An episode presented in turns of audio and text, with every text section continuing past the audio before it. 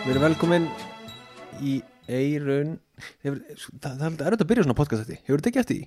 Já, Það er mjög erfitt. Við erum velkomin í eirun Já, en þú veist, maður veit ekki veist, Fólk er ít á play og þetta er að fyrsta sem maður heyrir eftir introlægið Já, og þú veist, hvað maður að segja? Veist, maður vil líka ekki koma eitthvað svona Halló, því þú veist það, og maður að öskra í eirun á þeim. Já, en þeir eru alltaf að hlusta á popkultúr. Og ég heiti Sigrun Ekki Hilmarsson. Ég heiti Tómas Vækisson uh, og þú varst með hérna við vorum búin að fá mail Hei já, You got mail við erum með mail frá einstaklingi sem kallar sig Sigurlaug og hún spyr Egið þið einhverja slæmar deitsögur úr kvikmyndasal? Mm. Ég þarf aðeins að hugsa þarna, ert þú með eitthvað? sko, ég á eina Fótt vil- eina? Já, Ok. en, en þú veist, hún er ekkert eitthvað hræðileg en þetta var svona, þetta var aðteglisverð upplifun, Ok, en sko ég vil samt byrja því að segja af hverju er bíó svona mikið deitdæmi Ó, fyndi að sér, ég, að ég ætlaði að myndi að fara að nefna þetta. Þú veist, að, það, er, það er fyrsta lagi ömuleg hugmynd að fara á date engöngu í bíó. Því að, já, þú er ekkert að tala um manneskina hún er ekkert að kynast henni. Nei, og oftar en ekki ertu bara að bíða eftir að kemur til þess að geta spjallað á manneskuna sem mm Mhm. að ekki kynnast og svo eftir hlið er þeir eru bara bíða eftir að myndin er búin til þess að geta átt smá tjatt um, að, um myndina og svo bara halda áfram. Nákvæmlega. En þú veist, þetta er samt svo típist að þetta skuli lifa stert inn hjá Íslandingum að því að við erum, erum með ömulega deitmenningu. Ég veit ekki hvort hann hefur lagast eitthvað síðust ár.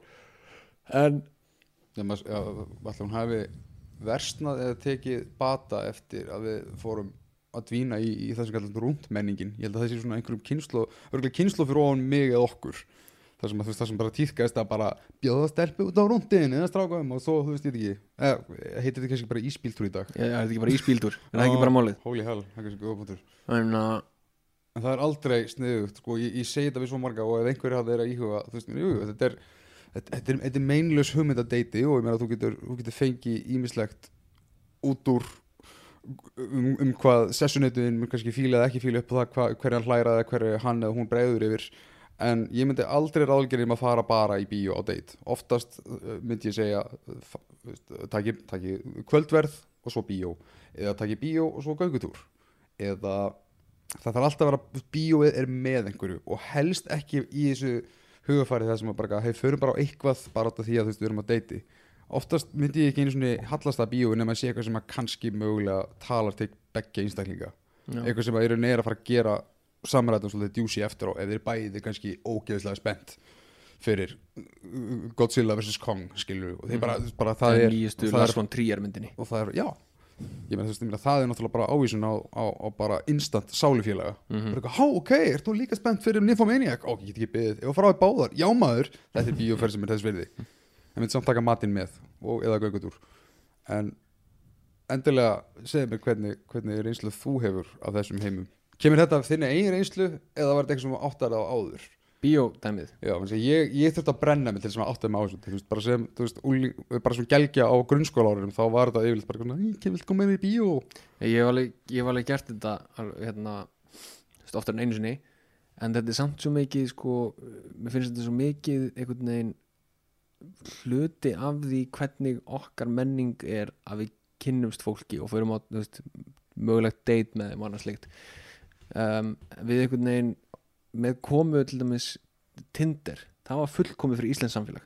Já, að því að þar gáttu Íslandingar bara sleft því að fara á deytið þeir gáttu bara að setja heimið á sér púla það sem að fólk gerði áður nýri bæ sem að basically bara svona íta bara annarkvært fólki til hægri eða að sér bara svona burt með þig, burt með þig. Nei, þú, þú, ég, þú lúka vel, lúka ég vel fyrir þér. Báðir fullir og báðir hinskilnir einhvern veginn.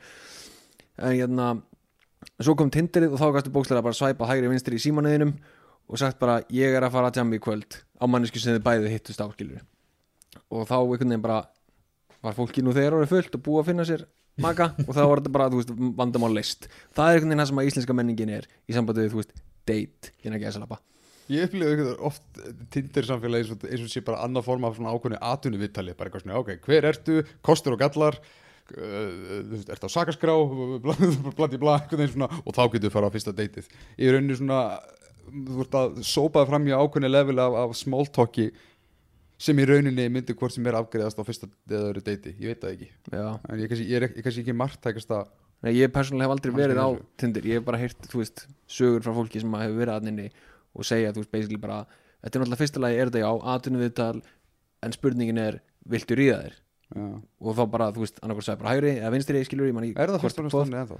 Já, það ekki, Ég, ég, veist, ég, ég er lungu hættur að nota þetta sko þú veist, bara út frá einni mynd þá ertu bara svona já eða nei og, já, jú, jú, jú, satt og svo bara svona, þú veist, hæ, hæ ég er á djamminu í kvöld, er þú á djamminu? Nei, Mm. ok, og svo allt í nú bara viku setna eða eitthvað annað, blíp, ég er á djamminu í kvöld þú á djamminu í kvöld en hérna, allavega reynslan sem að ég átti af bioditi sem var slæm af mínum mati er að ég var eins og múin að skipla ekki bíóferð. Og ég sótt hana og við fyrir með bíóið og ég hafði ekki hitt hana nema kannski einu sinni eða tveisar eða eitthvað. Og vissi ekki almennilega hvernig hún var. Þannig að það kom aldrei neina svona um, þú veist, hvað maður að segja ég ætla ekki að segja rauði fánar þetta var ekki það skelfilegt en það kom ekkit svona upp mómenta sem ég hugsaði hm, þetta er skrítið ok, við erum að það að kaupa miða og förum í sjoppuna og okkur svona. Svo setjumst við niður og spjallum eitthvað aðeins saman og svo byrja myndin. Og svo kemur hlýja maður hvað myndið þetta var? Nei, man ekkert hvað mynd var. En þetta var einhver einföld mynd sko um, sem að ítur undir punktin sem ég ætla að segja. Er að það kemur hlýja og hún var sopnuð og hún vaknar og hún er eitthvað að ég náði ekkert að fylgjast með þessari mynd. Ég er eitthvað, næ og ég hugsaði bara, þetta er mjög einföld mynd sko. Og þá hendur hún í spurninguna sérstæðis í freðin? Úps, og ég eitthvað nei, af því það ég var ekkert búin að taka eftir og hún eitthvað, "á, ok. Ég er var- ég og eitthvað félagi minn, eða vinkonum mín fengum okkur hérna, gras á hann áður en við komum, eða áður en við sóttum mig. Og ég bara eitthvað, já ok og svo svaf hún bara basically eftir því líka. Og ég eitthvað svona, þetta þannig að hún bara í sín megin heimi þetta já, eiginlega, það er eiginlega eina skipti sem að ég fengi svona smá slæma reynslu af bíói. Í Já, bíódeiti sko, svona virkilega svona, eftir, hún var samt ekkert slæm þannig séð. Veist, ég hætti ekki að tala við stelpun eftir þetta, það var ekkert eitthvað þú veist, nei, ég mun aldrei nokkuð tíman eiga samræði við þig aftur. En það er svona gott dæmi um það að þarna var bíóvettvangurinn ekki svo besti fyrir þetta development að eiga sér stað. Pældi ef að þetta hefur komið fram að þið væri bara út, út að borða. Þá, þú veist, þá þú veist, hún að nefna þetta bara, að, sést það í sér smá friðin og þá getur kannski einhver díalógur myndist kringum það eða eitthvað sem tengist ekki heyri við uh, er í lægi, varst að fylgjast með? Já, eitthvað svona skilur út að þeir eru alltaf búin að panta sér hálfan matseðlin sérst það í þessi friðin en hérna já, þetta er það sem ég lendi í. já, já mannstu hvenar eða svona hvað var sérska gamall? Mm, það var í mentaskóla mm, komin tíu ár síðan kannski. En alveg, alveg aðteglisvert aðteglisvert date. Ok, ég, ég hef reynda líka svo sem eitt þannig. Slæmt date er er kannski góð spurning en ég man tímasendingan á þessu. Þetta var í byrjun 2006 uh, ég var hitta stelpu þá og valið stóð milli tveggja mynda. Það var þetta Brothers Grimm með Matt Damon og Heath Ledger frá Terry Gilliam eða Hostel fyrstu Hostel frá Roth. Já, uh, ég stakk upp á því að vilja ekki sjá, ég var búin að sjá báðar á þeim tímapunkti. Ég vildi ekki fara á Bróður Grimm aftur en ég var meirinn tilbúin til þess vegna þess að ég vissi að hostel var ekki allra. Fyrsta lagi man ég ekki af hverju þessar tvær myndir voru þar einu sem voru fyrir valinu, ég man bara að þetta var, þetta var möguleikin en deytið sem stingur upp á því að fara á hostel og ég er að sjá hann aftur og bara ok, fuck it, ég meina, svolítið ekstrím mynd en ok, allavega. Um, það sem ég átti ekki von á þegar myndin byrjaði eða rétt að sagt þegar myndin var komin ákveði langt inn í framvinduna deytið mitt byrjar að taka svona mjög visceral viðbrögð við því sem gerist á skjánum. Mm, og ég vil taka fram að hún valdi þessa mynd og byrjar að líða mjög bersinlega óþægilega byrjar svolítið að kippast til þegar það er verið að skera á sína eðina og, og bara og, hvað eftir öðru og pína fólk bara. Já, uh, þetta var allavega orðið þannig að þetta, þetta var alveg svolítið vel alarming, þetta voru ekki eðlileg viðbröð þetta var ekki bara eins og að horfa á hryllingsmynd með spenningi samt í gegnum fingurgóman og ert að fíla það, þetta var bara genuinely óþægilegt fyrir viðkomandi. Þannig að við þurftum að í rauninu þegar sirka myndin er fann að ná svolítið hámarki í viðbjóðunum þarna alveg upp úr þriði aktinum sem að á þess að gefa upp kannski ómikið en flesti sem hafa sér hostel muna kannski eftir uh, danglandi auganu og, og, og hvað var þetta ekki uh, lokssjóðutæki eitthvað já, allavega viðkomandi gat ekki meika meira það, það var það yfirgefa salin og ég stutti það bara 100% en viðbröðun eftir þessu sýningu það þurfti svolítið vel tíma og aðlöfun til þess að ná viðkomandi niður eftir þetta alveg bara sko alveg eftir veist, það þurfti alveg hjartamagnil og alveg bara nánast svona áfallahjálp sko já, í formi já, í, í- formi mjög svona rólegra þrepa samræðina þannig að það var mjög eftirminnlegt. Ég veit ekki hversu slæmt það verði ekki en ég man að ég allavega já, þetta, þetta, þetta kendi mér ímislegt að vísu endur við saman og við vorum saman í ár. Já, en, en við horfum ekki mikið á brútalmyndir eftir þetta en, en ég man svona eftir að ekki að færa svona ok, við gátum líka að fara á bróðis grim sko en, en, en bara takk og þannig að ég, mig grunaði þá svona eftir að hyggja að það hefði verið meira svona val fyrir mig sem hérna já, þetta eru þá ég- já, þetta eru alltaf ekki eitthvað hræðilega reynslur. En ég, ég hef einmitt einu sinni séð par lappa út í miðri mynd sem er í gangi. Uh, þetta komur reyndar aftur inn sem ég bjóst ekki við. Nú. Uh, þetta var á Paranormal Activity 3 hún var sínt hérna á landi. Já, nei, 2 minna ég. Já, jú, það passar. Já, Paranormal Activity 2 var sínt í stóra salum í Laugarasbjó og ég var búin að sjá fyrstu myndina og ég var bara, ok, þetta er öruglega óþægilegasta upplifin sem ég nokkuð tímann áttu að horfa kveikmynd og endan dag 2. í dag, Paranormal 1 já, já, á þeim tíma, það var ég bara, þetta er óþægilegasta bíómynd sem ég er nokkuð tíma séð. Mér langar ekki að horfa hann aftur sem ég gerði svo reyndar en það var bara allt við hana sem að let mér líða illa á öllu leveli. Og það var sjálfsögur fyrir á tvö í bíó. Já, og hérna og það er eitt atriði í myndinni það sem hún stendur inn í eldúsi aðaleikunan og allir, allir pottar og allir pönnur detta af hillunum og allir skápar allt opnast bara á sama tíma, bara einn sprengja bara púff. Já, og þá er par fyrir fram mig, við erum bara svona tíu í salnum. Par fyrir fram mig sem stendur upp og lappar út og ég bara ok, þetta gerði útslega á þau. Og ég sko nána stökk upp úr stólnum af því að þetta, þú veist, hljóðkerfið í hérna salnum bara sprengdi þetta upp. Mm. Fyrir, þetta, fyrir þetta það að meirhluti myndarnar er eiginlega bara mjög þögul uppbygging að einhverju svona er mitt nákvæmlega. En svo svona tímið sem það komu aftur inn og ég var svona ok, þið eru hugrak actually að koma aftur inn eftir þetta af því þetta er bara frá að vera verra. Sem það varð svo. Já. uh, djúvill er það óþægilegt maður. Eftir tilfell af vísu uh, ymmit á mentaskóla árun þar sem að deiti mætti ekki. Það var, það var mjög klassíst þetta, þetta, þetta, þetta, þetta var svona þetta var eitt af þessi tilfellum sem að kemur þessi friendsetning bara, oh, do you think she saw you and left? Þetta var, þetta var á gamamynd sem var vísa ekkert sérstök gamamynd þannig að kannski var þetta bara sniðið ákvörðin þetta var gamamynd með Paul Bettany og Kirsten Dunst sem heitir Wimbledon, það var árið 2004 já, ég man eftir kofurinn henni. all, allt í lagi mynd, bara svona fín, fluffy gamamynd en til að gera langar sögur stutta það var, á, það var, það var, það var ákveðin dagsending og tímasetning sem bara varð ekkert úr því ever og ég held ég hef aldrei í henni síðan eftir það. Þannig það. En ég man ég geimt alltaf bíómiðan auka sem var aldrei notaður. Sett hann í svona, út af því ég, ég hef alltaf sapnað bíómiðum á veitin ástæðu an, annar ég ég sett það bara svona, ok, þessi, þessi miði er órifin, það er svona saga á baku þetta. Þannig að, þannig að ég, ég á ennþá minningarnar af, af því sem aldrei var þetta er alveg smá svona sko, uh, í raungum kringum staðum uh, er þetta svona smá svona hérna, psychopathic murderer dæmi. Pínu. Það sem var svona, ég ætla geymir bíómiðan sem var ekki notaður og núna mun bara lífið þið tilengast því að basically fara gegn þessari mannesku og þú mun sína henni bíómiðan svona að lokum. Þetta er það sem þú hefðir getað fengið. En allavega, ég var að horfa þættum daginn Ok. á Netflix sem að heita hérna, History of Swear Words. Já, og þar kemur eitt kappi ójá, til sögunar kappi inn. Sem að heitir Nicolas Cage. Og hann er vel til fara vel snirtur, flottur og bara temmilegur í hegðun.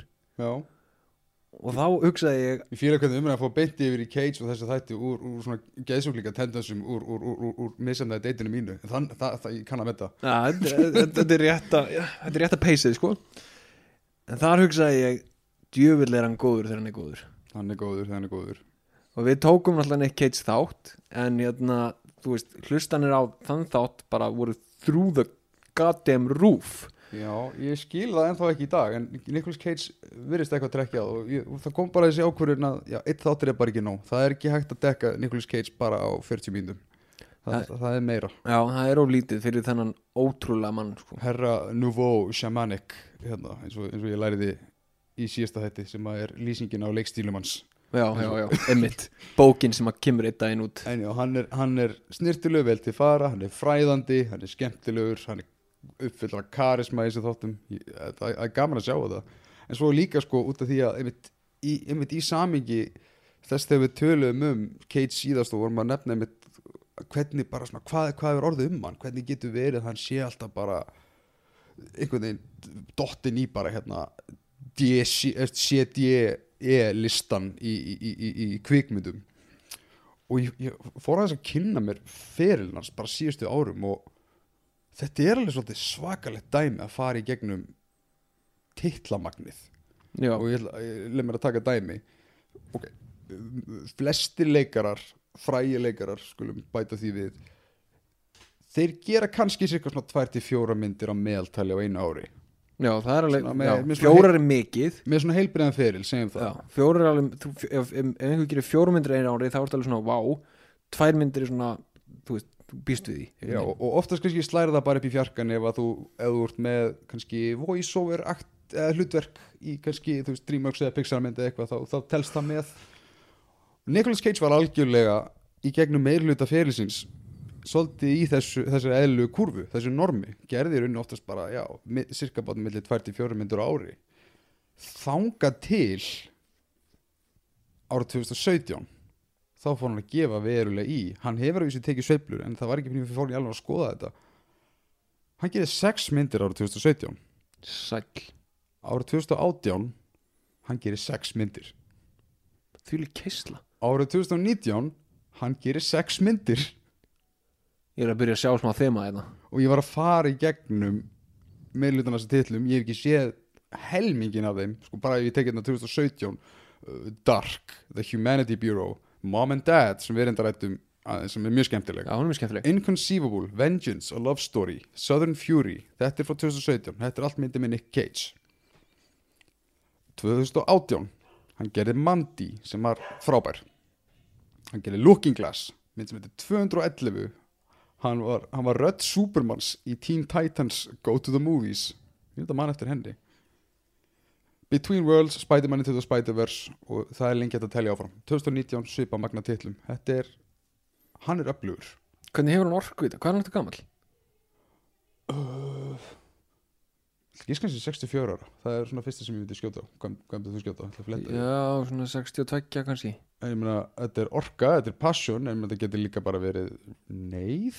Já, þetta er verið- við fórum alveg vel yfir. Ef þið hafði ekki hlusta á Niklus Cage þá hlusta á hann Við fórum vel yfir að, þú veist, að gæinn skuldar pening, sko Og hann skuldar góðan pening. 57 ára, hann er ekki alveg komin á 70 aldrin Já, ok, hann er 57 ára. No. Hann er samt, já, hann er ekki eldri en það. Sem er, það er samt 57 og 6 myndir á ári er alveg mikið, sko.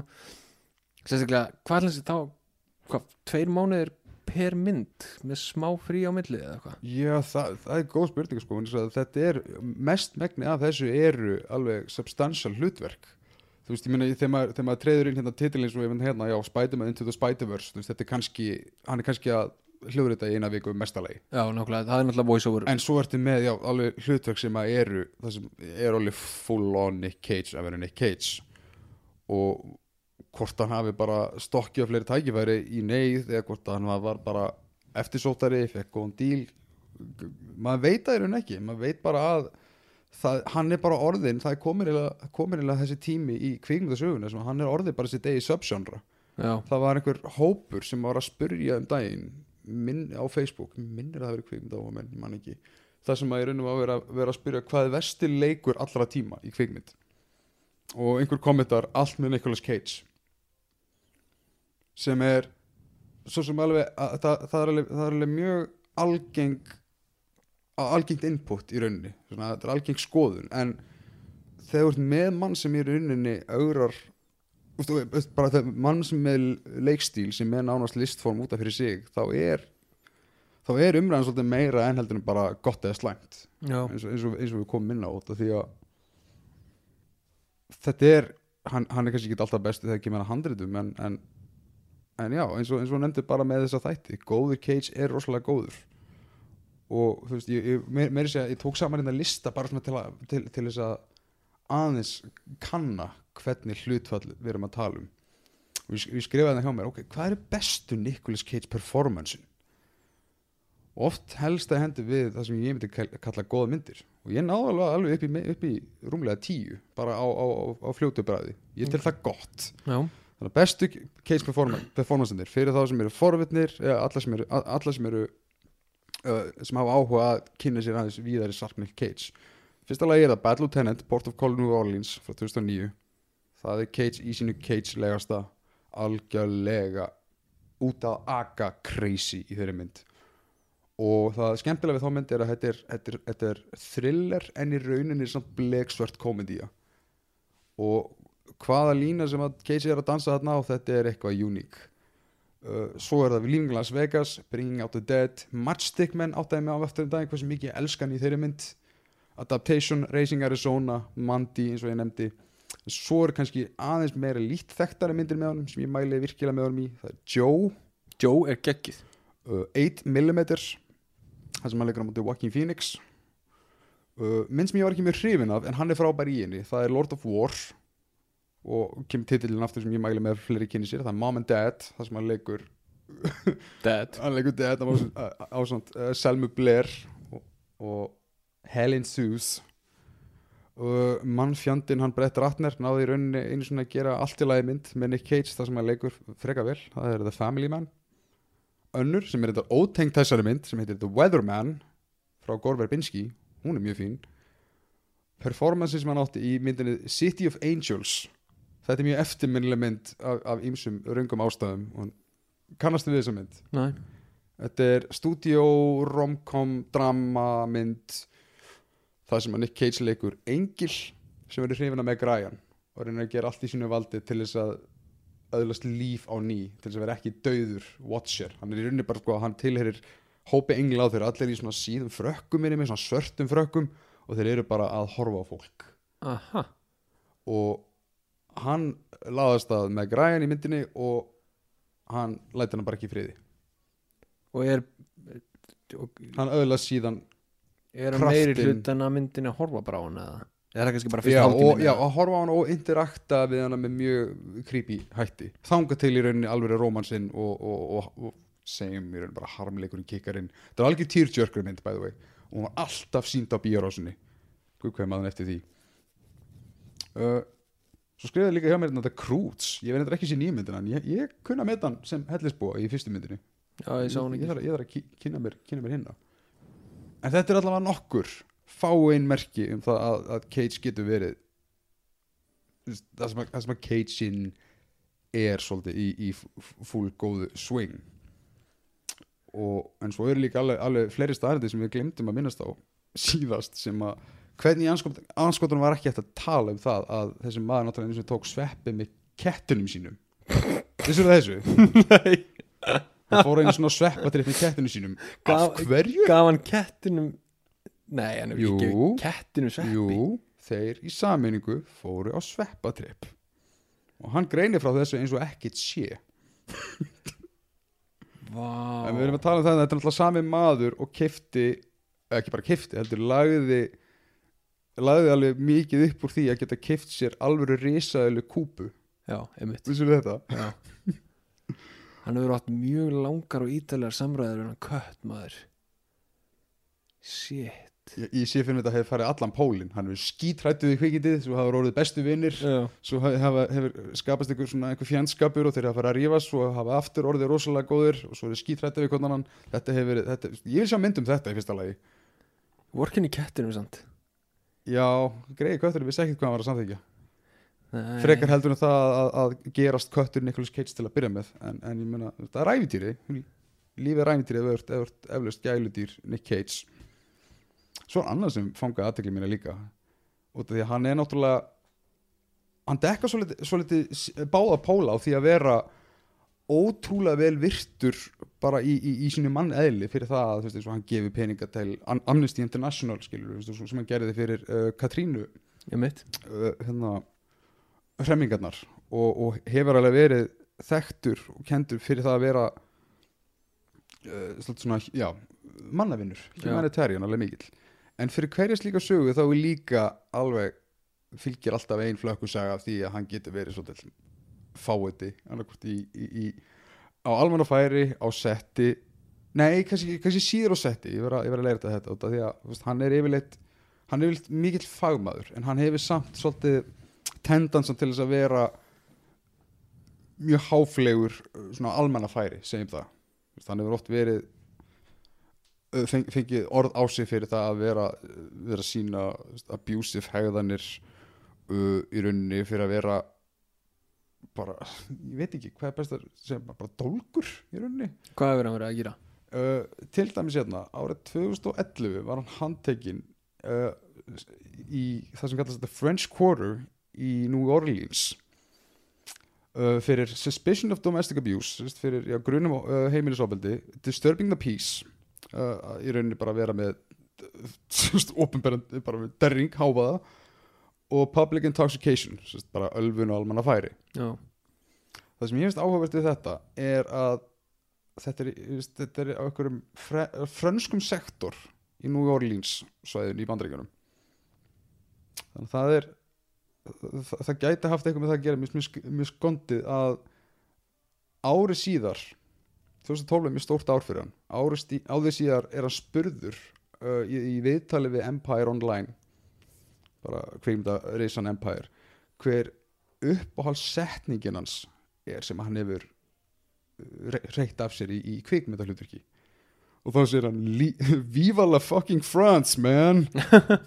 Sem er úr myndinni Deadfall frá 2012 það verðist líka vera að í öðru viðtali árið 2012 við fréttamilin Today þar sem hann þurfti sérstaklega að taka það fram án allra tilgerðar og þetta er mjög frækt viðtal þar sem hann varð að, að, að fræða líðin um það að hann væri ekki vampýra var komin einhver orðrómur um að hann væri vampýra Eða, hann var allavega spurður í viðtalinu og, og kemur þessi dásamlu orð sem að, og hérna kemur þetta í gæsleipum I don't drink blood. And the last time I looked in the mirror I had a reflection.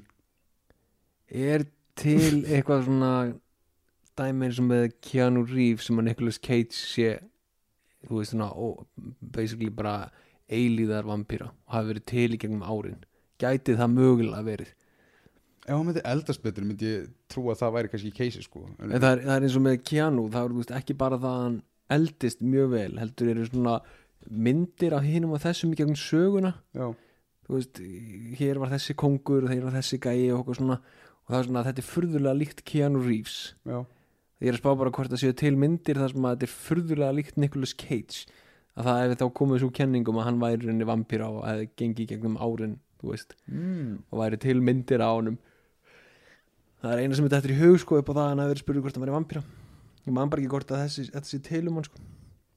Þetta hefur örgulega verið sko líka sennilega í ljósi bara ok, ég sit hérna og er að spjalla Nicolas Cage sem það, það var örgulega bara einhver, tí, einhver tími þar sem að við, við þurftum bara svör.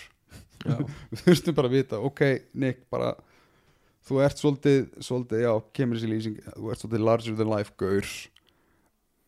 Bara reynskilisvar, ertu vampýra ertu af, af, af, af, myrkuröflunum? Er eitthvað, hvað er leyndamálið og það, það sem ég dyrka við þetta vital sko, fyrir það að bara hafa landað forsíðu vitalið það sem að bara með fyrirsögninni I'm not a vampire þá fíla ég líka bara hvað hann er rosalega uh, svona að öllu útlítandi alvöru gefin og bara einlagur í, í, í, í svona í, svörum sínum. Já, svara bara beint út, nei. Ég drekk ekki blóð Ekki hinga til alltaf en svo líka eitt sem ég kann sérstaklega meta við hann er að af við, við, eins og við rættum síðast þetta er maður sem, er, sem sefur aldrei gegnum hlutverki sín. Hann vill alltaf færa eitthvað fram. Já, hann er mættur til að gefa 110% framistöðu Já, hann skilst mér hann virðir leikstjóra uh, samstagsfólk og er rosalega þetta til þess að bara, veist, hann er hann fyrir listina, augljóslega er hann að sækist í hlutverk, uh, veist, að að býja út af fjárhásástæðum en, en, en, en hann er ekki að þykja peningana eins og bara svona, uh, Hann er ekki brúsvilis hann er ekki brúsvilis, það kom sérstaklega skýrt fram í, í síðast og, og mjög, mjög gott einmitt svona príma dæmi um um það bara að ég, ég, ég, ég tek það ekki mál að, að Nicolas Cage sé talin lélugur þegar þú ert með hliðstæðu sem er einmitt bara maður sem þú veist, mætir aðna og nennir ekki einu svona að vera í, í víðskotum sem er Bruce Willis. Við tölum held ég, hvort það var síðast eða eða var þar síðast þar sem við tölum um svona uh, svona body double, svona stand-ins. Bara svona gæja sem er aðna bara til þess að þú veist að meðan einhver er að stilla lýsingagræjur og ok, hvernig lítur þessu út í þessu ljósi. Uh, strax kemur upp í huga hann að parið í Love Actually þannig að þeir sem voru að emitt Martin Freeman og hérna maður ekki hvað leikonun heitir en þau voru að nýrunni bara svona standins fyrir leikarna sem síðan með ætti að fara í sömu stöður. Og það er þekkt að Bruce Willis að ef að, ef að, ef að hann er ekki ef það sést ekki framan í hann þá mætir hann ekki Já, hann ætlar ekki einu sinni að vera þarna fyrir nakkaskotið bara á, á sendur bara Rolf hérna inn í þetta Já, farð þú í staðinn að Já. Bruce Willis lookalike trastliðið og mér skilst að Wesley Snipes gerir þetta líka. Já, hann er alltaf notorious fáti sko. og en, en, en varandi það hvernig hann gefið sér fram í, í, í listinni sinni þá hlusta ég aftur á kommentarið fyrir The Rock sem er æðislegt. Þetta er bara, fyrsta, fyrsta lagi flest kommentari á Michael Bay myndum eru mjög fræðandi og, og ruggluð oftar en ekki, þú kemst að hlutum ef fólk er að missa út þessi starriti sem að hljóma svona símingli bara byttu, ha ok þetta er allt einhvern veginn sagt út svo svo flatt og blátt áfram en maður þarf svolítið að byrja, ha, wow, wow, ha, segðu þetta aftur gott að við þar er eins og þú veist þegar kemur skot á Pentagoni og þú ert með Michael Bay segjandi og kommentarir á spreka I got, I, I got a speed, speed down number to the Pentagon. Ok. Ok og svo, er líka að það er þekkt einmitt í, í, í kommentari fyrir Armageddon það sem að Ben Affleck segir sögunum því að hann var stattur á setti og sagði Michael Bay er ekki minna vesinn að þjálfa geimfara fyrir all, allt þetta oljudrill fyrir eitthvað nöfugt og Michael Bay er bara shut the fuck up. En, en í kommentirinu fyrir The Rock sem er samtínungur af uh, stökum uh, hljóðupptökum frá uh, Ed Harris er hérna að, að segja rauninni bara beint út hvað Michael Bay er mikið að reyna að vera James Cameron í því að reyna að vera erfiður. Ed Harris náttúrulega hefur unni með James Cameron og Abyss. Fyrir hvað hann er alveg rosalega bara frank um það þarna. Og svo ertu með Nicolas Cage rásuna sér þar sem hann er hann, hann er svo að fíla bara uh, rammana, hlutverkið. Hann, hann, hann er svo til í hvað hann er að horfa og hvað hann er að dissecta og aðtilsverð staðan sem kom út úr því er að fyrir fólk sem mann eftir spennumyndinni The Rock er að Nicolas Cage leikur í rauninni aðal hetjuna það jú. Stanley Goodspeed sem var í rauninni bara vist ekkert á blaði neitt ekki neitt neitt, bara engin karakter það var bara, þú veist, bara uh, hérna, John Everyman sem, sem festist í, í, í aðstæðu með, með öllu þessu sem er í gangi. Það var vist hugmyndin hjá Nick Cage að gera Stanley Goodspeed að bítla aðdánda, mm. og þeir gera alveg mikið þing úr þessu myndinu þar sem að, þú veist, þegar við kynnumst hans karakter þá er hann eitthvað veist, í einhverjum rassusa díalóg við einhvern samstagsmann sinni svo kemur allt í hennu sendingin af hérna, bítlaplötunni sem hann var að eiga og mér svo magna að þetta komið frá honum. Það verið bara eitthvað, já ok. Uh, Michael hérna, karakter minn getur ekki verið svona bítla manískur sem hann er sko. Og, og þetta er bara brota brota dæmi sem að, að, að það sem að já, býr til í rauninni svona, svona síu af spurningum þegar maður er að horfa á Nick Cage myndir og hugsa, ætli hann hafi komið þetta? Hvað hva ætli þessi inputi hjá honum í, í, í, í þessu scenariói svipaði nefndi líka með, með Kick-Ass hluturkið. Það var hans ákunn að tala eins og Adam West. Á þess að láta nokkuð vita. Og fólk er bara á, þú veist, með, með myndatökumann og, og set PA og alla bara horfandi á Matthew Vaughn bara eitthvað, að leifa þetta? Og Matthew Vaughn er bara eitthvað, já þetta myndum að taka sensa leiðum þetta bara. Og eins og breytingin hans frá venjulegu manni yfir í Ghost Rider til dæmis. Já, Þú veist, öskrin og geðveikin þar það var allt hans input. Já, það var svona, þú veist, það er engin maður sem að bara finnst þægilegt að láta hausinu á sér brenna og verða hauskúpu, þannig að hann er þarna öskrandi og bara brjálaður. Það var hans líka. Já, já, já, já GoPro skotið þið mitt. Já, sem er bara hans andlit eitthvað, hann er bara gjössalega að missa sig við, sem í hans heimi er bara hann að vera hann. Já, meira. við getum líka ekki sleppt í að nefna að ég, hérna, við nefndum þess að myndi ekki síðast en við getum ekki sleppt í að nefna Witcherman Nei, Wickerman Wickerman, menn ég. Witcherman Witcherman sem er eitt einkennilegasta bara listaverk sem hefur verið sett á filmu Já, með Nicolas Cage. Öll myndin er basically eins og YouTube montage af Nicolas Cage framistöðum sem hún er, ég held með þess að flestir þekki ekki myndina öðru sig bara hefur þessi, maður spyr kannski einhvern hefur þessi Wickerman, já, bara í sex mínútum. Já, einmitt. En það er af ástæðu? Það er alveg ótrúlega að horfa á sjálfa myndina af því að þetta er svo mikil uppbygging af geðveiki hjá honum. Já, þú veist, hann er í alvörni þó að myndin sé algjört drastl þá er hann að sína ákveðir range frá því að hann mætir á eiguna og er bara leita dóttu sinni yfir í að hann er alltaf að kýla með fjölda af konum. Mm. uh, og kýlur, veist, konu í bjarnabúning. Já, og er bara orðið svona allir dröll þangað til að veist, þeir setja bíflugunar á hausnum á honum og hann er þarna með frægu, frægu setninguna eitthvað, "I'm not the bees, everything but the bees yfir ég að brenna hann lefandi You bitches. Þetta er, þú veist, ef þið eru virkilega til í að sjá ykkur svona, svona holy shit framistöðu, þá er það mynd sem það ættu að kíkja á, sko. Mm. en þú veist, ég gef ykkur alveg 100% fyrirvara þessi mynd er drasl. Ég sko, það vantar ekki enthusiasman hjá honum í myndinni en svona sem búið að tala um að þetta er svona hæg bygging að honum að í rauninu svolítið missa vitið í tengslu við mysterínu sem er í gangi í þeirri mynd manni líður pínu eins og Nicolas Cage sé svolítið að stitta sér leiðir í þessu handriti þar sem handriti bauðir hann ekki upp á mikið, mikla, mikla uppbyggingu þannig að hann fer úr veist, fyrsta yfir í sjötta gýr á 0,1 sekundu sko. veist, til dæmis bara með eins og, og, og ein frægast setningin er líka how to get burned hann Já. hérna brenda já, og hann fer sko og hann, hann gjössanlega bara mölvar uh, mótleikonu sína með því að vera strax komin í háa síð bara get burned já. og hún er bara, þú veist, viðbrönd hennar er eins og þessi eðlileg bara af, af, af, af þú veist, er svona, á ég að halda áfram? Hann, hann, er byrjað að hrækja svolítið á með þessi maður en er þetta, er þetta eðlilegt? Ég er hann er, hann. hann er svolítið aðeins og intensífur með eitthvað senan krefst en ok, við, við rúlum bara með þessu. Þannig að já, hann hann tók svo sannlega ákvarðanir í The Wicker Man.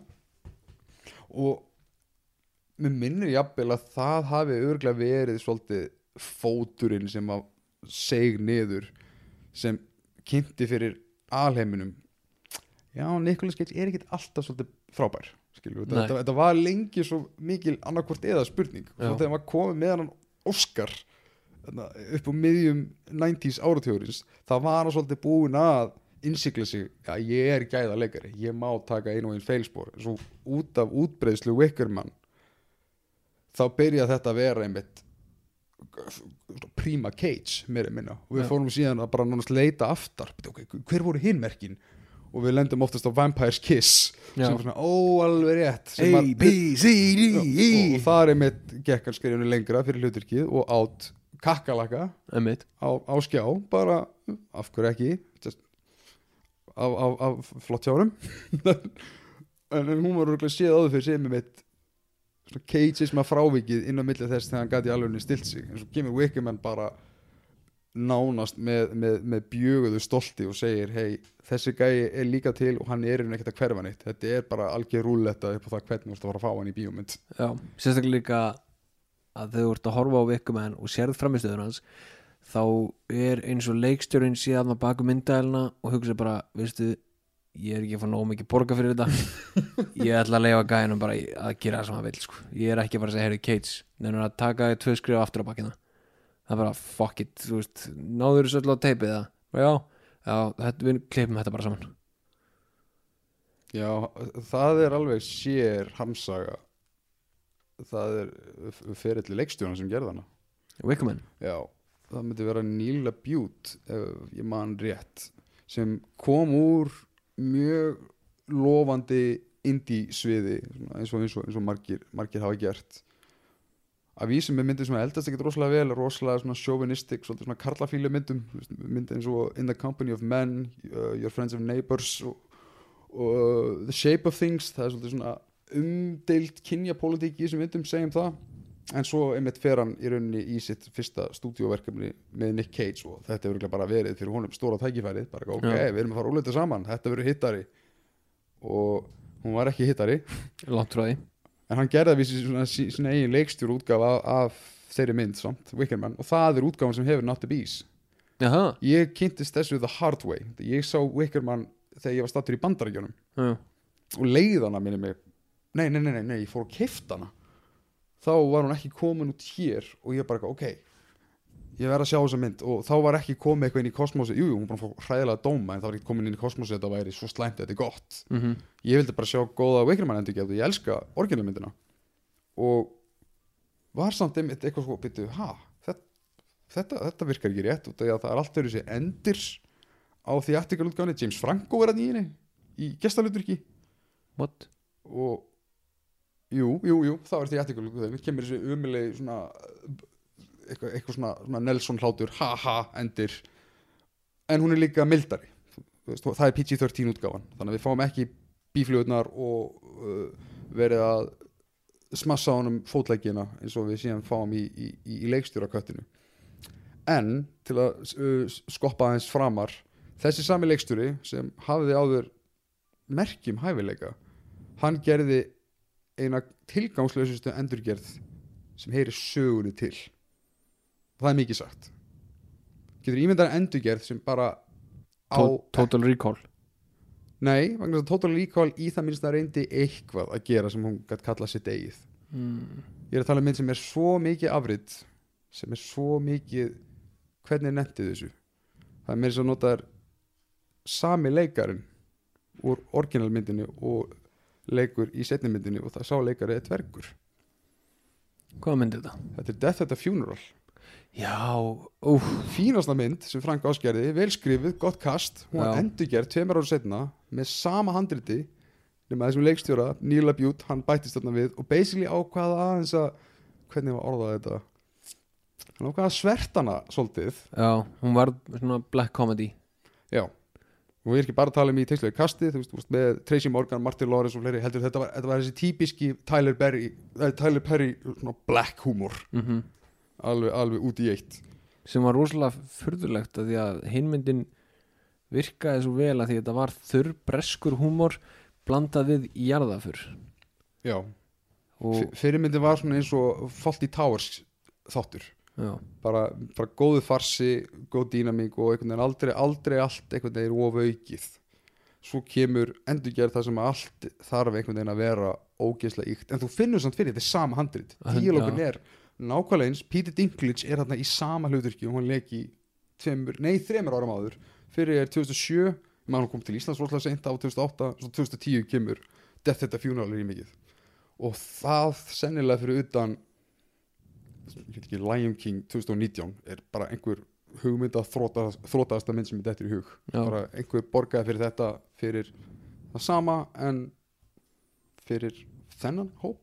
Same same but different. Já. og margir kendu víst því um manni ég líka ef við ætlum að uh, slúta þess aðeins með Cage. Ma margir telja eina af ástæðinu fyrir því að kikkas framaldi fjall ekki eins mikið veisveil í krami og fólki var svo að það var minni Cageismi, já, finnst þér það? mm, Minni fengum Crazy Jim Carrey hann í staðin en veist, það er ekki það er ekki Cage að gera Adam West. Nei, mér finnst að vandamálið við kikkast tvö er aðalega bara mér finnst hún ekki að þétt og fyrirmyndin sko. Ég er hrifnar af fyrirmyndinni. Já, skemmtilegri svona öðruvísi origin saga. Og svo hver setni myndin aðeins meira bara of mikið úr böndunum og í of margar áttir. Það var eiginlega vandamálið fyrir mitt leiti sko mér finnst vandamálið ekki vera það var eitthvað of lítill cages með eitthvað þannig. En þetta er samt svona keisa sem þú finnur fyrir fjárvinnans pínu. Já, já, já, klálega sko. En ég veit ekki hvort hann hefði getað bjargað henni. Nei, nei, nei, svo ekkert, ekkert, ekkert, ekkert frekar heldur en hinn gerði sko. ég er nefndar fíla að kika stöðu ágætlega en mér finnst fyrirmyndin bara svo geggjuð. Mm. það var svo margt sem að gekk 100% upp í þeirri mynd sko. þar á meðal framist annars Cage. Fyrir utan Wickerman hvað myndir segja að vera quintessential Cage myndin? Ef einhver, ef, segjum svo bara þú, þú, þú stendur fram fyrir Cage busa mm einhver sem vill bara fá starterpakkan hvernig myndir þú ráðleggja viðkomandi að byrja? Ef þú myndir velja kannski þrjá titla kannski eitt góður, eitt Cage í bara sínu rúlandi Cage hvernig myndir þú hátta því?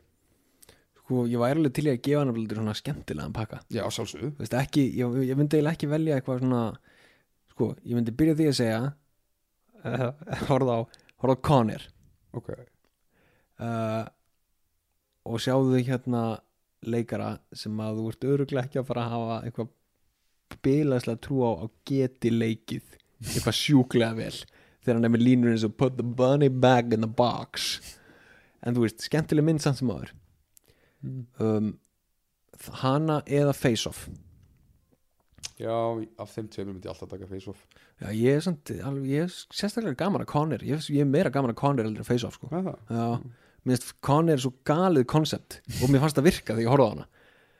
Nicolas Cage fastur í ykkur flugvél með ykkur um hinn er náttúrulega líka snargali koncept. Já, Face Off, já, já, en mér finnst hún einhvern veginn ekki þegar ég horfði á hana þá bjóst ég við meiru. Já, ég verði að veikina, ég bjóst hún aðeins meira klikkari, hún alltaf lengi að fara inn í náttúrulega Face Off Já, já, hlutan sko. Uh, þannig ok, þú, ok, þú ert með starterpakkin að hætti Sigurjóns er basically, þú, þú ert með ómissandi Conner hérna.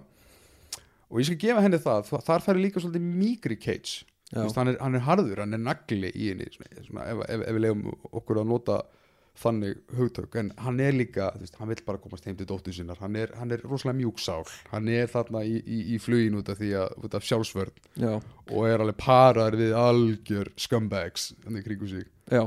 En er ultimately bara og þú fær líka ljúfur. sko, þú fær skemmtilega hasamynd af því að ég ætla ekki að velja saman genre fyrir alla þrjú. Nei, það er þannig að þú veist, þú fær skemmtilega hasamynd og skilabóðunum, þú veist, er, það býður meira í þessum dúr. Ok, ok, ég veit hvernig við erum að gera þetta Byrjum, ok, veljum sikkora hasarmyndina ef, við- ef við brjótum starterpakkanum upp í þrend Þannig að það er hasar uh, segjum svo gaman Ok, fjóra. Hasar, gaman, drama og svo what the fuck. Ok, What the fuck, ok, þannig að þín hasarmynd er Con Air. Ég ætla að leiða mér að segja mm, Jú, ég ætla eiginlega að segja Face Off af þeim tjöfur Þannig að ok, hvað er quintessential Cage gamanmynd. Uh, og það þarf ekki að vera pjúra gamanmynd það getur líka verið bara, þú veist, hvað er gaman að sjá hann í? Já, ég myndi segja þar ég, ég myndi þar segja National Treasure sko. Já, mér finnst hún, ég horfði á ég horfði á báðar myndir aftur um daginn.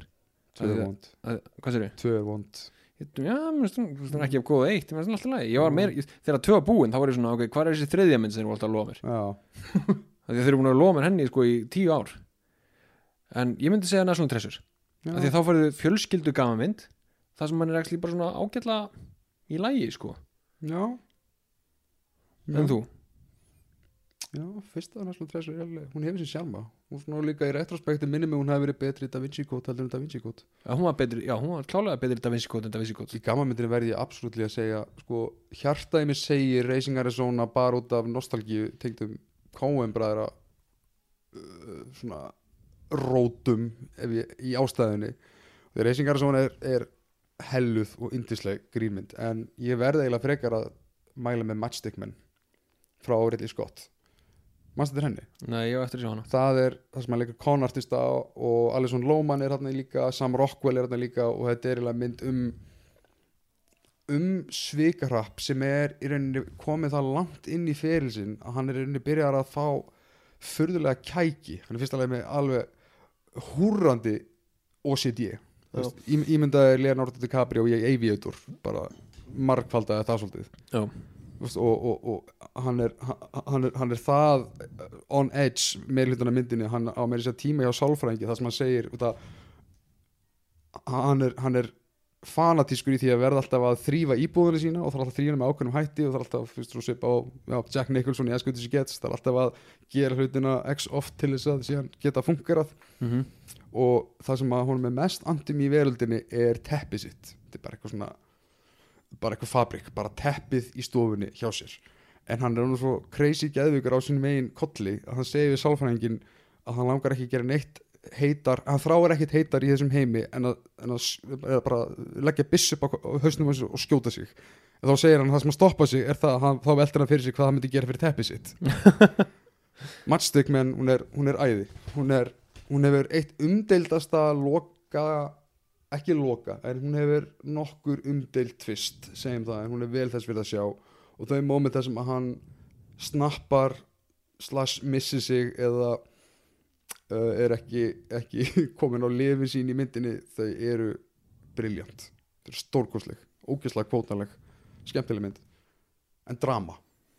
Um, þar ætla ég að púla mynd sem að ég veit í hvort ég örgulega ekki margir sem myndi setja þessa mynd í þennan flokk. En þegar ég sá hana þá hugsaði ég bara ok, þarna er gæin sem vann Óskarsvölun og það, það er Joe. Það er Joe, já, Já. Hann, hann er sjúklega góður í henni. Ég horfði á þá mynd og hugsaði ok, við erum að tala um þetta er Óskarsvölun af framistæða hjá honum. Já, þetta er gæin, þarna er Nicolas Cage sem vann Óskar. Absolutt, ég sammála því. Bara því miður er þetta low budget mynd og hefði aldrei verið tilnænd til Óskarsins, ekki sjens mm, en þetta er neglu framistæða gegn- já, og 100% myndir sem ég myndi setja í drama og ég fíla líka dýnamíkina á milli hans og stráksins. Um, Mm. þetta eru báðar góða framistöður og hún er eh, bara þrjusu mynd sko.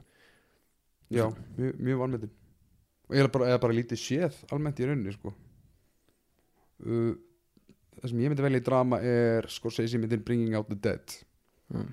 að horfa þessa mynd er eins og að upplifa hinn hin sóðalegasta sveppgalsa þessi mynd er bara, hún er bara mjög eitthvað ör, víruð, furðuleg díla rosalega mikið við já, það að díla við dauða, þetta fjallar um uh, Nicholas Cage leikur uh, sem hann er að keira sjúkrabíl og er rauninni á uh, sífældum vöktum og þetta er svolítið svona um, um já, hvað er rauninni atbyrðarásin gerir sál hans í rauninni. Og þetta er eiginlega Scorsese upp á sitt trippaðasta og þetta er mjög mjög uník mynd erfið eflust fyrir suma og kannski ekki alveg allra en þarna er mitt fæði svolítið svona þennan svipa væp að, að inn í öllu þessu kási sem þessi myndi býður upp á þarna er mjög raw performance frá Cage. Já. ótrúlega sterkur. Og þá er það bara what the fuck? Hvernig ætlar að kappa starterpakkan? Ok, hérna er eftirrétturinn. Hvað er what the fuckið? Vikumenn, er það veikur menn? já, það er vikumenn hann verður að fylgja starterpakkanum en ef, að, ef, að, ef ég lendi því að, að menn er búin að lager eins mikið og ég þól ekki þá mynd þá samt verður hann að fylgja með. Ekki það að ég þóli menn eitt frekar þá er það Ghost Rider 2 Ghost Rider 2 er enda líka gott val, já. Bara svona Ghost Rider 2 er þrjusu gott val sko. eða langar svo sinfóníu af, af, af svipriðum eins manns og mismöðandi hláturs skrölda hjá honum þá er þessi mynd eins mikið alhliða Cage og þú getur beðið um Ég held samt líka sko að þegar að kæmi að þessum ég myndi eiginlega setja crazy dæmi sem síðasta sko í, í listanum til að horfa á. Þegar kæmi að þessu þá held ég að manneskjan sem er að horfa á mína mynd henn er að fara að leiðast meira heldur en manneskjan sem er að horfa á þína mynd.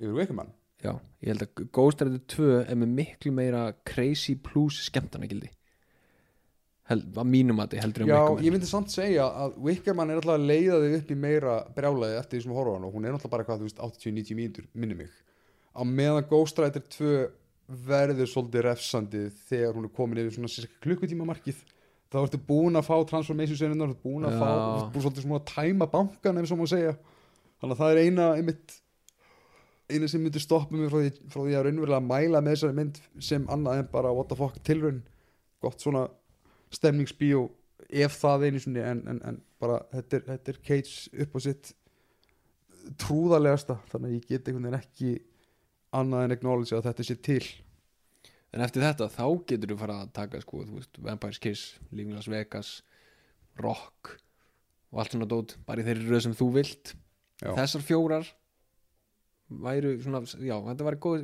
þetta eru góði startipakkar held ég. Þetta er góðið startið baka að því þú færði einhvern veginn allan skalan þú veist, þú færði bara svona, leggur þetta bara borðið og segir hérna er leikari sem getur gert svona hluti. Þetta er góð dæmi um framistöður sem þú munt fá úr myndunum hans. Uh, um leður búin að horfa á allar þessar fjórar þá ertu búin að fá lítið teista öllu. Og þú munt basically fara í leik af Úlend Úlend Doff með hvaða mynd sem þú eftir, hér eftir sem þú horfir á með honum. Mm. þannig að þú veist myndu bara, það er frábæra framistöður það er slæma framistöður einhver mynd sem situr í tækið, þú veist ekkert hvort það er að fá. Og ég held að ein- eina svona stæðstöðu svona nice surprises væri örugglega þegar mannskinn horfður þeim sem Mom and Dad sem endur síðast. Ó já, mynd sem að lúkkar ekkert vola vel og virðist vera svona slæm brjáluð Cage performance en er actually bara góð. Það er bara stemning. Já, bara mjög skemmtileg crazy Cage performance. Það kemur einn annar spurningu í rétt alveg klárum? Sem er út af því að ég hef ekki séð National Treasure 1 í örglega uh, já, örglega svona 15 ár. Man ég sá það tvisvar í bíó á sín tíma. Hef ekki hort á hana síðan. En er einhver vottur af crazy cages mannum í henni? Þannig að ég man að það var í tvö. Uh, þegar hann rúlar niður stigan já, og er að minnum að skapa eitthvað distraction já en það þarf að leika fullan breyta það er í tvö, já, Já. Það, það er svona ok, þannig crazy Cage. Já, þannig ég er að spyrja, er hann fær hann að laumast í gegn í fyrstu myndin einhvers staðar? já, já, það var eins og þeir eru búin að ræna kortinu eða ræna kortinu Sjálfstæðisyfirlýsingu. Sjá- sjálfstæðis yfirlýsingu bandaríkjamanna sem reyndist vera alltaf kort. Þeir eru búin að ræna því hann basically þarf að ræna hérna, meðleikoninni sinni og þau fara heim til John Hurts sem er pappans Nei, byrju, það er Diane Kruger sem er meðleikonan það er ekki, það er John Voight. Já, John Voight menna ég. Fara heim til John Voights og þeir hann er að rífast til pappa sinn og reyna að skoða kortið á fullu. Og pressa límonum á kortið? Já, og press lífum á kortið, já. Og, og John Voight er að segja, þú ert brjálaður ert, þetta er bara allt vitleisa og hann er eitthvað, nei, þetta er ekkert vitleisa og þú, þá kemur smá svona crazy Cage fram, af því að líka hann er með sko, hann er alltaf með hálgert hostage með sér. Já, já, veist, þannig að hann er, að, það er svo mikið að gerast en það er rétt magn af þetta er svona ok, það myndur flesti breðast við cirka bát svona ok. eftir að fara rænt sjálfstæðis bandaríkjana, vera með gísl með sér og vera að koma heim til pappa síns sem þú neytar að tala við bara því að þú veist að hann mun geta hjálpað þér. Hún er svona fun já, já, hún er, jú, hún er alveg Ég man alltaf eftir mjög snemma í myndinni þegar þau eru að leita að einhverju skipi alveg mjög snemma og þau eru á suðuskautinu já, og það er bara, já, já, hörðu samkvæmt heimildum þá á skipið að vera hér. Svo kemur einhver að byrja svona þess að dusta í snjónum og þá fyrsta sem hann dustar af er akkurat nafni á skipinu. Eitthvað The Charlotte. Já, já. Þetta er náttúrulega Jerry Bruckheimer mynd sko, ég man bara það gaf svolítið tónu fyrir svona, já, ok, einmitt. Já, ok, þetta er svona, svona fjarsús leitamynda sem að allt hrapar í, í fangi á, á viðkomandi. Og þú ert með betri, þú ert með- þú ert klálega með betra illmenni í fyrstu myndinni en setju myndinni já, er það ekki, jú, það er Sean Bean. Já, Sean Bean er vondikallin í, í fyrstu myndinni sko. já, með minni um þetta setjumyndir hafa verið meira svona kannski svona slepilega patriotic. Það gæti verið villist mjög ég man bara, ég fekk ekkert út úr henni þegar ég sá hann í bíó. Nei, þeir fara hann í Mount Rushmore í endanum á já, setni myndinni og hérna, en þú ert samt með sko hana hérna ó, hvað heitir hún, sem leikur mömmans mm, sem leikur mömmans í setni myndinni. Já, mjög virt bresk leikuna sem að leik í ó tala um, það er ekki Emily Blunt, nei, nei, Emily. Watson alltaf ég segi í smá stund, það er ekki hún. Það myndi vera hvað greiðlega, ég man ekkit alveg eftir svo, já, auðvitað það er Helen Mirren. Helen Mirren já eilíða töffarinn, hvernig get ég glemt þessu? Já, sama hér sko. Hún leikur mömmans og hún er með góða framistuð og John Voight og hún saman er gaman að sjá og svona. ég fílaði þau, ég hefði gaman að báða myndunum. Já, já, ég skal kannski tjekka því aftur. Saman með Sources Apprentice, þetta er maður að þóla að tjekka því aftur, það ég maður bara, þú veist, Nicolas Cage sem, sem galdrakall í Brookhaven myndið mitt, já, kannski, sami leikstjóri með Já, ég mani því, það mér varst hún líka alveg svona eh, var alveg gaman. En það er ekki það sem að vill úr Cage. Hún vill meira. En ég held að þetta sé komið gott af, af meira Cage. Tveir stúdulli Cage þættir maður. Hérna, endilega sendið á kvikmyndir.is ef þið hafið ykkur aðtöðsendir, spurningar, ábendingar, kvartanir eh, eða bara vantar eitthvað gott spjall. Er meðmæli. Eða meðmæli um hvað við veitum að tala um og annað slíkt. uh, endilega líka hendi í subscribe á Apple Podcast eða Spotify, það hjálpa mjög mikið sérstaklega þið viljið fá tilkynningar þegar næstu þætti koma. Uh, annars bara njótið vikunar og hafa það gott